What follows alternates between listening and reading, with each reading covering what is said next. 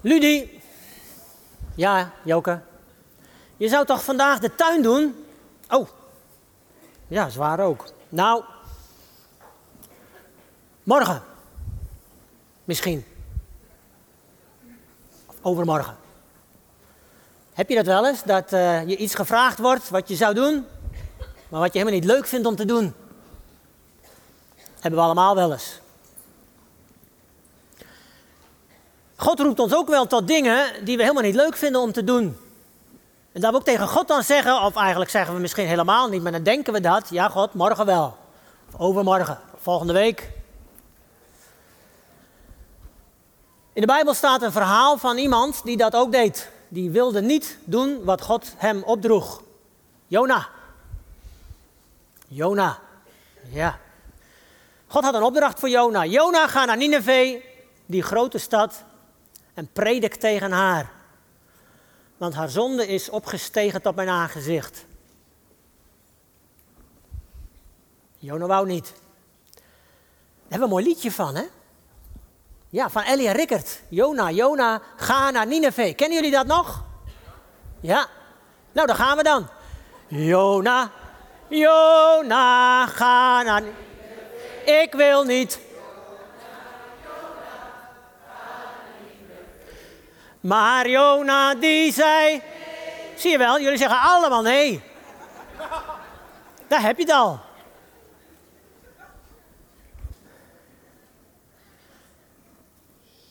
Ja, het coupletje gaat ook door inderdaad, maar dat duurt wat te veel. Ik ga met jullie lezen uit Jona, maar dan een gedeelte wat eigenlijk helemaal niet zo bekend is, namelijk hoofdstuk 2. Dat is zijn gebed. Het gebed wat Jona bidt als hij in de vis zit.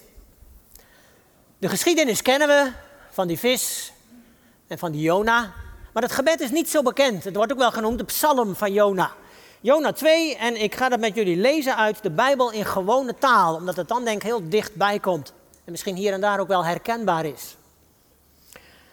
Ik begin bij vers 1 en in sommige Bijbelvertalingen, als je mee wilt lezen en je hebt een andere Bijbelvertaling, dan kan het zijn dat je een vers eerder moet beginnen, vers 17 van hoofdstuk 1. En dan pak ik de draad even op. En dan staat daar, de Heer stuurde een grote vis om Jona op te eten.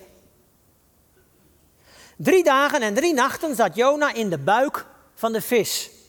Daar bad hij tot de Heer zijn God. En dit is het gebed van Jona. Toen ik bang was, riep ik naar u, Heer. Van u kreeg ik antwoord. Ik was bijna dood. Ik schreeuwde om hulp. U hebt mij gehoord. U gooide mij midden in de diepe zee. Het water was overal, hoge golven rolden over me heen. En ik dacht, u stuurt mij weg. Nooit meer zal ik uw heilige tempel zien.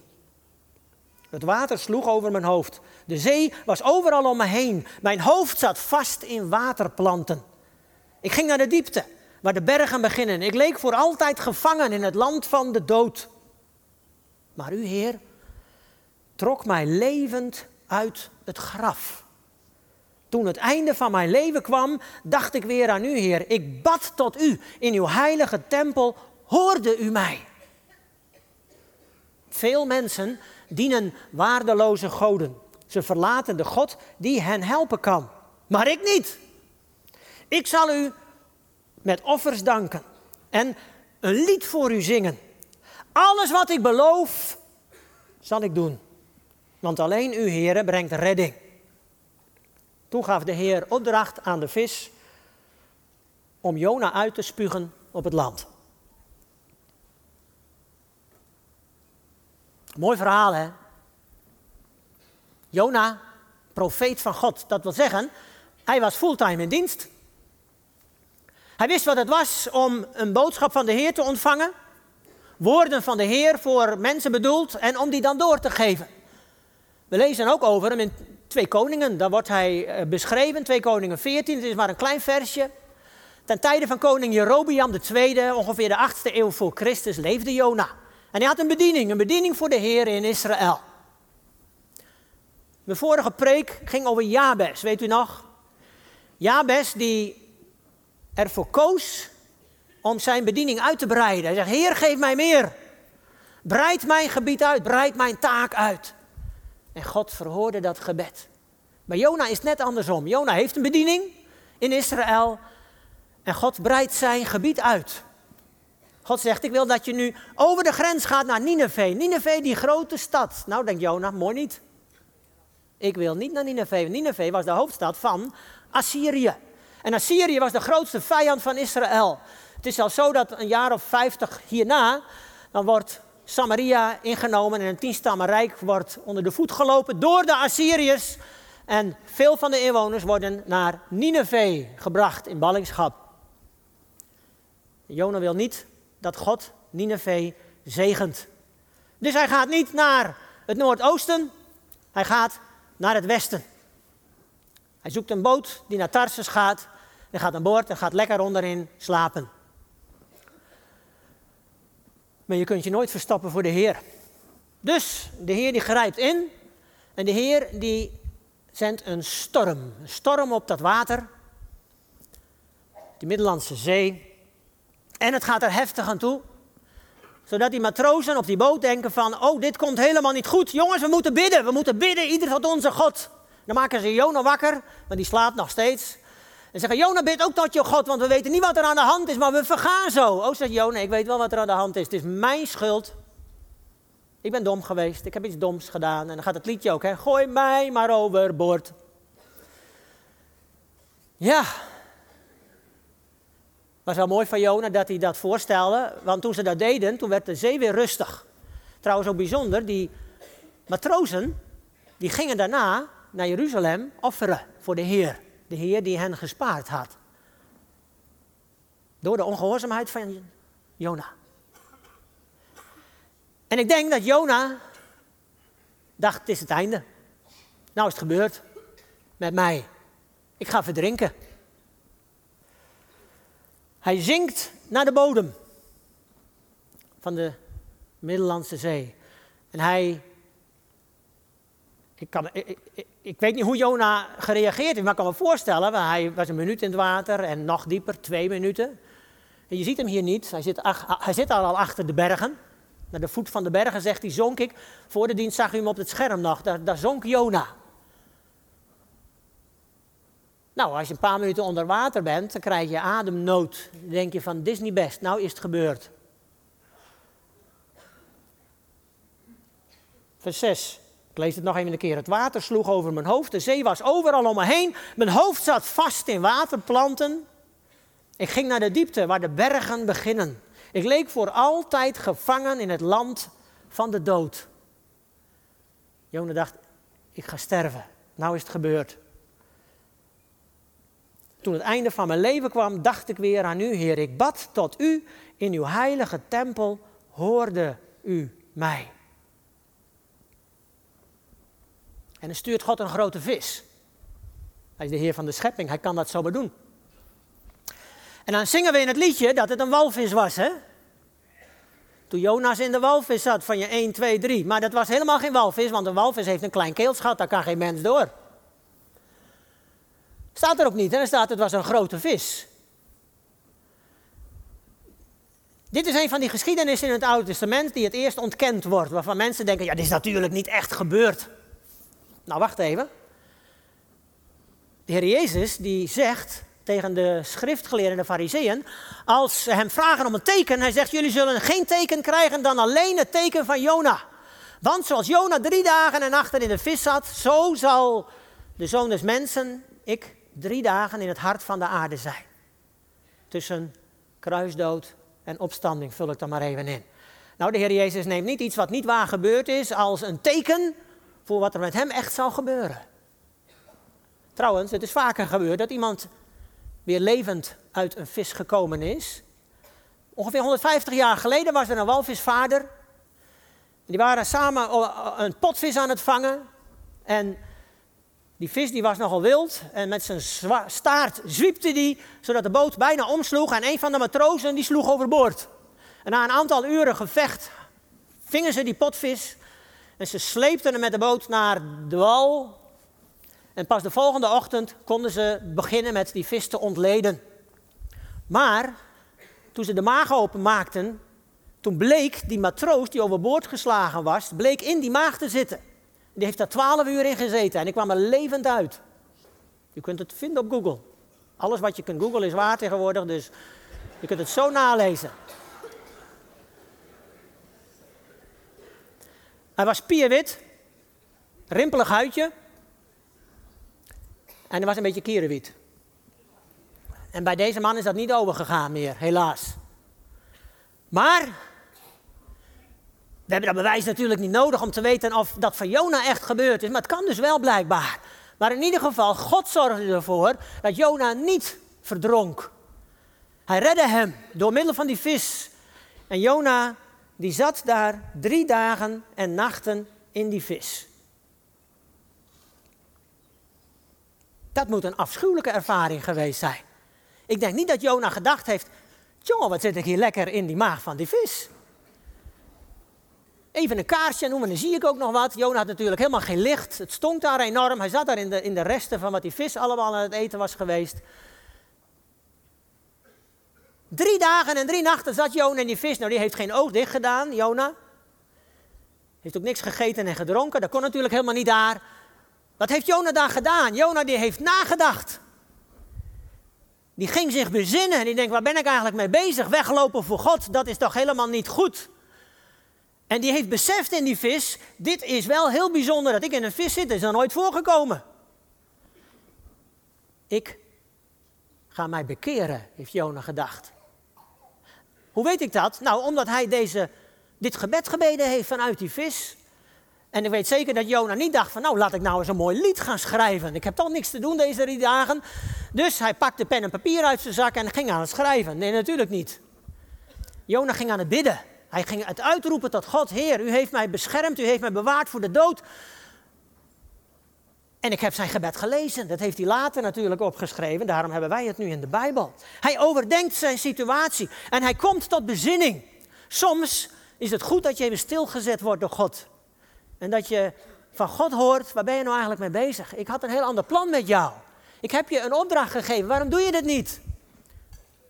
Denk eens na. En soms is het nodig om schoon schip te maken. Nou, bij Jona deden ze dat letterlijk.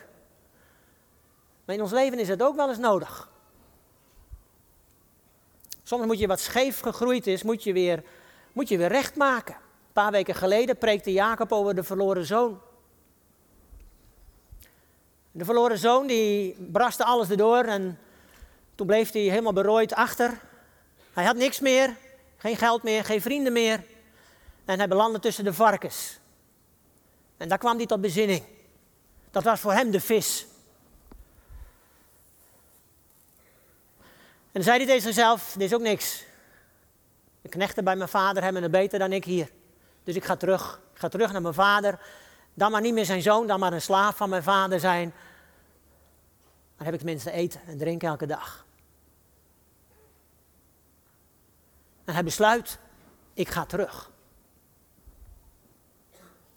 Of een heel ander voorbeeld, David. Koning David, die overspel pleegt met Bathseba. Die dat probeert te verdoezelen door te zorgen dat haar man Uria omkomt in de oorlog. Ook nog moord op zijn geweten. David denkt, als het maar niet bekend wordt. En hij trouwt met Bathseba. Binnen een half jaar komt er een kindje. Als het kindje een paar maanden is, dan heeft het al met al, is het ongeveer een jaar bezig. Er komt een profeet bij David, Nathan, en die zegt: Weet u het verhaal? Die rijke man en die arme buurman die maar één schaapje heeft. En David boos en die zegt, die man die is des doodschuldig. En dan zegt Nathan, u bent die man. En direct weet David het. Hij weet direct wat over gaat. Ik ben schuldig, zegt hij. Ik vraag vergeving. En Nathan zegt direct, God heeft je vergeven. Maar er zullen wel veel problemen doorkomen. Het kindje kan niet blijven leven. Een jaar lang heeft David gedacht dat het verborgen kon blijven. Wat dacht u hoe David dat jaar doorgekomen is? Hij schrijft er zelf over. In twee psalmen. Voor psalm 32, daar schrijft hij. Zolang ik zweeg, kwijnde mijn gebeente weg. Ik voelde tot, tot op het bot. Ik was er ziek van. Dat was zijn jaar. Dit was zijn tijd in de vis. David die had een afschuwelijke tijd, want hij wist, ik ben ongehoorzaam geweest.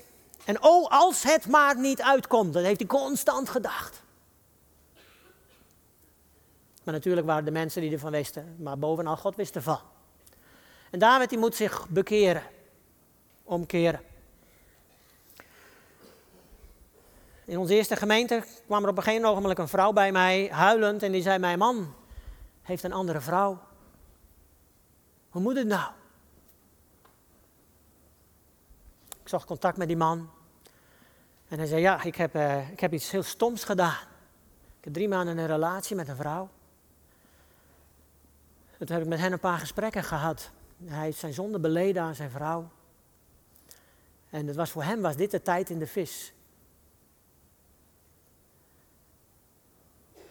En hij beleed. We hebben samen gehuild. En we mochten weer gaan bouwen. En het is bijzonder, maar ze functioneren nu nog steeds als echtpaar die andere echtparen helpt in nood. God heeft hem bewaard voor elkaar. Maar ik noem zomaar even een paar voorbeelden van, van mensen die, die ook ongehoorzaam waren aan God en die stil zijn gezet door de Heer. Jona die gaat bidden. En wat, wat bad hij? Vers 3. Toen ik bang was, riep ik naar u, Heer. Van u kreeg ik antwoord. Ik was bijna dood. Ik schreeuwde om hulp. Je ziet hem zinken in het water. Heer, help. U hebt mij gehoord. U gooide mij in de, in de diepe zee. Nou, dat waren die matrozen natuurlijk, maar eigenlijk was het God die dat deed. U gooide mij in de diepe zee. Het water was overal. Hoge golven rolden om me heen. Ik dacht, u stuurt me weg. God wil niks meer met mij te maken hebben. Heel eerlijk, hoe die dat gebed bad. God doet dit. Maar God greep hem in zijn kraag. En een mooie parallel vinden we in Psalm 32.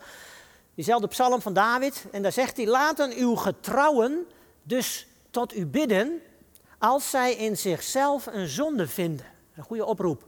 Laten uw getrouwen tot u bidden als zij in zichzelf een zonde vinden. Stormt dan een vloed van water aan, die zal hen niet bereiken.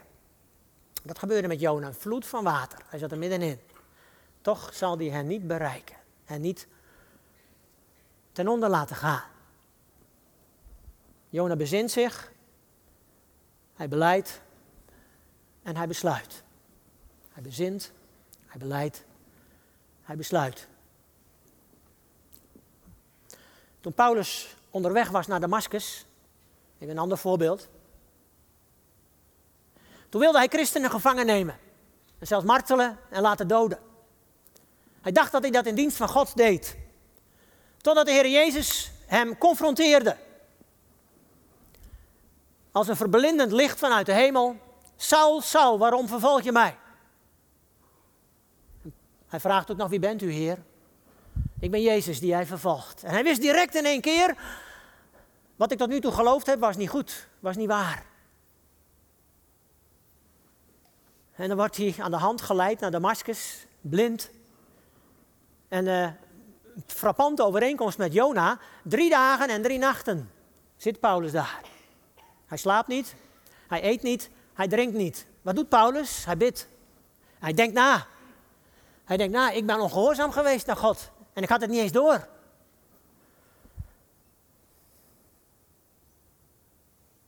En dan komt er ook een profeet bij hem, Ananias. En die zegt als eerste, Saul, broeder, word weer ziende. En na drie dagen kan hij opeens weer kijken. Nou, dat is een wonder. Een wonder van God. En dan moet je eens horen, Paulus, dan ben je vervolger van Christus geweest. En nou word je een verkondiger van Christus. Je wordt een zendeling. Zo, dat is een bekering. In drie dagen heeft Paulus de tijd gehad om na te denken over zijn leven. Wat hij met zijn leven zou willen doen. Eerst een leven tegen God en nou een leven voor God. Tegen Jezus en voor Jezus. Hij heeft zich bezonnen in die drie dagen. Hij heeft zijn schuld beleden. En hij heeft besloten, ik wil gehoorzaam zijn. En weet u wat het volgende is wat Ananias dan zegt, die profeet? Wat aarzel je nog? Sta op en laat je dopen. Zo, die liet er ook geen gras over groeien. Wij zouden denken, nou Paulus, dan moet je eerst maar in een paar dagen en weken bijkomen. En dan komt God wel verder met zijn opdrachten. Nee, direct aan de slag. Dit is wat God van je vraagt. Dat gebed van Jona, dat zit tussen twee dingen in. Die u hier ziet. Ik wil niet en ik ga al. Het zijn natuurlijk twee zinnetjes uit het liedje van Elia Rickert. Ik wil niet, ik ga al. En daartussen is dat gebed. Het lijkt ook een beetje op dat verhaal wat de Heer Jezus vertelt. Een hele korte gelijkenis, die vindt in Matthäus 21. Er is een man die twee zonen heeft, zegt Jezus. Hij zegt tegen de ene zoon, ga vandaag in mijn wijngaard werken. Ga de tuin doen. De zoon antwoordt, nee dat wil ik niet. Maar later krijgt hij spijt en gaat toch. En de man zegt hetzelfde tegen zijn andere zoon en die antwoordt, goed vader, ik ga al. Maar hij doet het niet. Wie van die twee heeft nu gedaan wat de vader wil? Nou, zijn toehoorders die weten natuurlijk het antwoord wel. Die eerste zoon die eerst zei ik wil niet. En die daarna zei ik ga al. Ja, God roept ons allemaal op om onze verantwoordelijkheid te nemen. Als je in een gezin woont, dan heb je een verantwoordelijkheid naar het gezin toe. Om daar te dienen en anderen te helpen. Als je een baan hebt, heb je daar een verantwoordelijkheid. Je hebt een verantwoordelijkheid in je buurt. Om als God je daartoe beweegt, om iets te vertellen van je geloof, om te laten zien dat je kind van God bent. Als je lid van een gemeente bent, dan heb je daar een verantwoordelijkheid voor. Verantwoordelijkheid om een levende bouwsteen te zijn. Een verantwoordelijkheid om jouw gaven en jouw talenten in te zetten in dienst van de Heer. Om iets van het werk van de gemeente op je schouders te nemen, samen met anderen. En het is het mooi dat je dat met een, met een team mag doen, met anderen die samen in dat team de Heer dienen. Dat je elkaar daarin stimuleert, aanspoort, vermaant wanneer nodig, elkaar bemoedigt. En elkaar tot zegen bent. En is het woord betrokken zijn op elkaar is daar zo fundamenteel belangrijk in. Dat je in de gemeente betrokken bent bij de levens van een aantal broeders en zusters die God aan je toevertrouwt. God je aan elkaar toevertrouwt, dat je samen mag groeien. Samen mag groeien in, in een kring waarin je deel mag nemen. In een team waarin je God mag dienen. In een taak die je op je mag nemen. Een prachtig voorbeeld vond ik zuster Eike Langius. Ze is eh, begin vorige maand is overleden op 95-jarige leeftijd. De hoge ouderdom. Je moet niet denken dat ze aan het einde van haar leven uitgeblust was en niets meer deed. Jacob Visser die ging bij haar op bezoek, vrij kort voordat ze overleed. En uh, die zei van, zal ik maar later op de middag komen, want dat, dat kunt u eerst uw middagdutje doen. Zij zei, middagdutje? Daar heb ik helemaal geen tijd voor. Ging ook niet vroeg naar bed, ze was voortdurend was ze bezig. Waarmee? Met bidden. Dat was haar bediening thuis. Bidden voor haar kinderen, kleinkinderen. Bidden voor de gemeente. En ze had wel het een en ander meegemaakt hoor. De laatste twaalf jaar van haar leven. Ze had twee van haar kinderen moeten begraven. Ze had een schoonzoon naar het graf moeten dragen. Haar man was haar ontvallen. En op het laatst brak ze haar been ook nog. Dat betreft was het eigenlijk heel veel lijden wat ze meemaakte. Maar het hield haar er niet van af om de Heer te dienen. En haar werk in de maatschappij was pedicure. En zij was daar niet mee gestopt. Tot twee weken voor haar overlijden heeft ze nog iemand aan de voeten behandeld. Waarom? Omdat ze dan met mensen kon praten. Over haar geloof. Dat was haar leven. Wat een prachtig voorbeeld. Van iemand in ons midden. Ik ben bijzonder dankbaar dat ruim twee derde van de gemeente naar een kring gaat. Een taak heeft in de gemeente. Met een team optrekt. Het is ook kostbaar om dat bij elkaar te zien, hoe mensen toegewijd zijn en enthousiast zijn. Dat je soms zegt, ik wil niet, en dat je na een tijdje zegt, oké, ik ga al. Dat betekent dan nog altijd dat ruim een kwart van de gemeente nog niet naar een kring gaat en nog geen taak in de gemeente heeft. En hebben het over zo'n 800 eh, mensen. denk ik van, uh, ik hoop dat jullie aangespoord weten door Jona. Door Jona die geroepen werd. En als je een taak hebt, als je naar een kring gaat, dat je de gebedslast op je hart neemt om te bidden voor mensen die nog twijfelen, die nog niet willen. Of nog niet weten wat. Dat je bidt voor hen dat ze enthousiast mogen raken. Dat ze in hun hart aangeraakt mogen worden.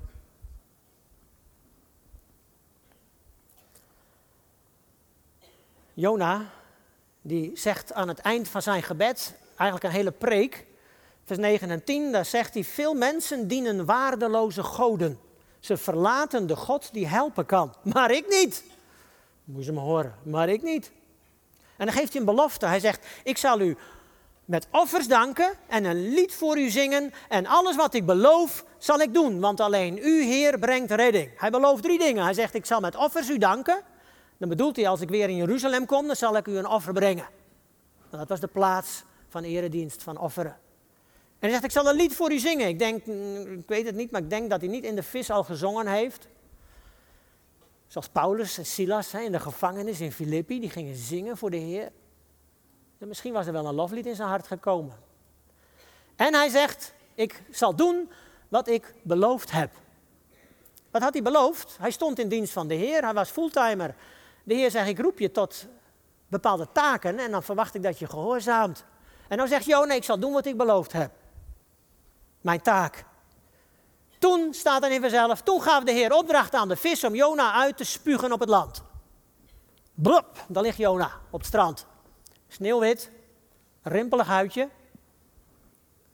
Een schrikverschijning voor de mensen in Nineveh als hij daar komt. En Jona gaat naar Nineveh. Nou is Jona nu zo van, hé heer, wat fijn, ik mag u dienen en uh, ik ga er helemaal voor. Weet ik niet. Betwijfel ik. Zei hij eerst, ik wil niet. Toen zei hij, ik ga al. Klinkt nog niet zo enthousiast, hè? Zo gaat het liedje verder, hè, van Elia Rickert. Jona, Jona, ga naar Nineveh, ik ga al. Ja, wij zijn Jona niet. En we zitten gelukkig ook niet in de vis. Hoop ik ook nooit hoeven meemaken. Maar ik denk, laat ik dat liedje actualiseren. Ik heb er een beetje woorden op bedacht van het refrein en een couplet gemaakt. En ik stel voor dat we dat samen gaan zingen. Johannes die gaat me even helpen daarbij. Kijk, nog meer muziek. De tekst krijgt u op het scherm. En dan kunt u meezingen. Even goed erbij zijn, want het gaat heel snel hoor. Broeder, zuster, pak je taak toch op. Broeder, zuster, doe maar wat hij zegt. Mijn antwoord dat is ja. Ik ga naar kring, dat vind ik wat. Ik doe die taak en groei nog zat. Nu roep ik, Heer, u bent geloofd. Ik zal doen wat ik heb beloofd. En Heer, geef mij verlangen om steeds meer voor u te gaan. Jee, broeder, zuster, pak je taak toch op. Broeder, zuster, doe maar wat hij zegt. Mijn antwoord dat is. Ja!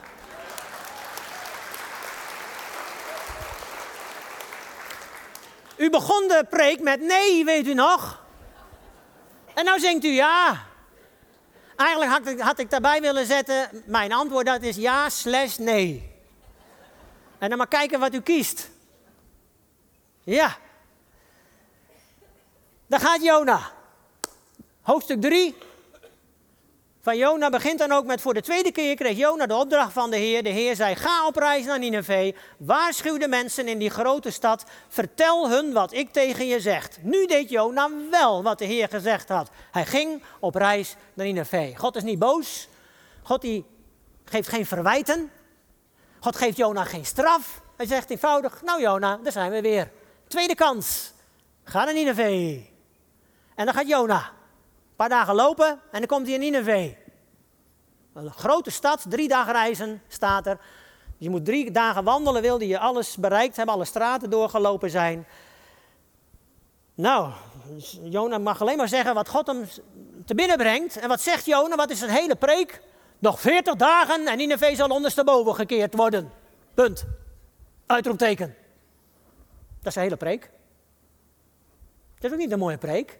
Had God hem dat ingegeven of wou hij niet meer vertellen? Dat is een preek waar je niet blij van wordt. En nou het bijzondere, God gebruikt het om de mensen tot bekering te brengen. En Nineveh bekeert zich. Mooi hè? Dus weet je, wat ik ervan leer aan het einde van deze preek, je hoeft niet eerst helemaal te veranderen om toch bruikbaar te zijn voor God. Je hoeft niet eerst volmaakt te worden, zodat God je eindelijk kan gebruiken. God kan deze nukkige en mopperende man gebruiken in zijn dienst. Want Jona die gaat op die, op die heuvel zitten en die denkt, nou ik ga aftellen 40 dagen en dan wordt Nineveh ondersteboven gekeerd. Hé, heerlijk. Ik ga zitten wachten. Ziet u hem zitten, al mopperend? Nee, hij zat niet te lachen, hij zat te mopperen. Ja. En eindigt het ook met een vraag. Zou ik niet genadig zijn voor mensen? Mooi hoe God is. En hij kan jou gebruiken. Hij kan u gebruiken. Zoals we zijn. Ik zal alleen maar zeggen van, misschien heb je eerst eens een keer gezegd, ik wil niet. En zeg God, nou, ik geef je een nieuwe kans. En dan mag je zeggen, ik ga al. Misschien zeg je op een gegeven moment, ik ga graag. Zullen we samen bidden? Heer, dank u wel voor de geschiedenis van Jona. Dank u dat u hem bewaarde voor de verdrinkingsdood. Dat u hem op een hele bijzondere manier redde en dat u hem daarna gewoon weer stuurde naar Nineveh. En dat u zijn getuigenis, zijn oordeelsaankondiging nog kon gebruiken ook om, om mensen te redden. Heer, dank u wel dat u ons zoveel mogelijkheden geeft om in de buurt waar we wonen te getuigen van ons geloof. Om iets voor u te betekenen, door iets voor mensen te betekenen. Heer, en dan vraagt u van ons om betrokken te zijn bij het leven van andere mensen. Juist in deze maatschappij waarin ieder zo op zichzelf gericht is. Heer, is het zo'n uitdaging die u ons geeft. En ik bid ook, Heer, dat u ons wilt helpen om, als we soms zeggen van ik wil niet, dat we mogen zeggen, Heer, ik wil u volgen, ik ga al. Leid mij maar, help mij maar om mijn denken te veranderen. Heer, af en toe geeft u ons ook momenten van bezinning om na te denken over uw plan met ons leven, over uw roeping. En daarom bidden we voor elkaar dat u ons wilt helpen en wat leiden. Heer, dat we ook elkaar daarin mogen aansporen en stimuleren. En dank u wel, Heer, dat we dat samen mogen doen en mogen verwachten dat u ons ook wilt gebruiken. Dat u ons zult gebruiken. Dat we u mogen dienen en daarin ook uh, samen feest mogen vieren.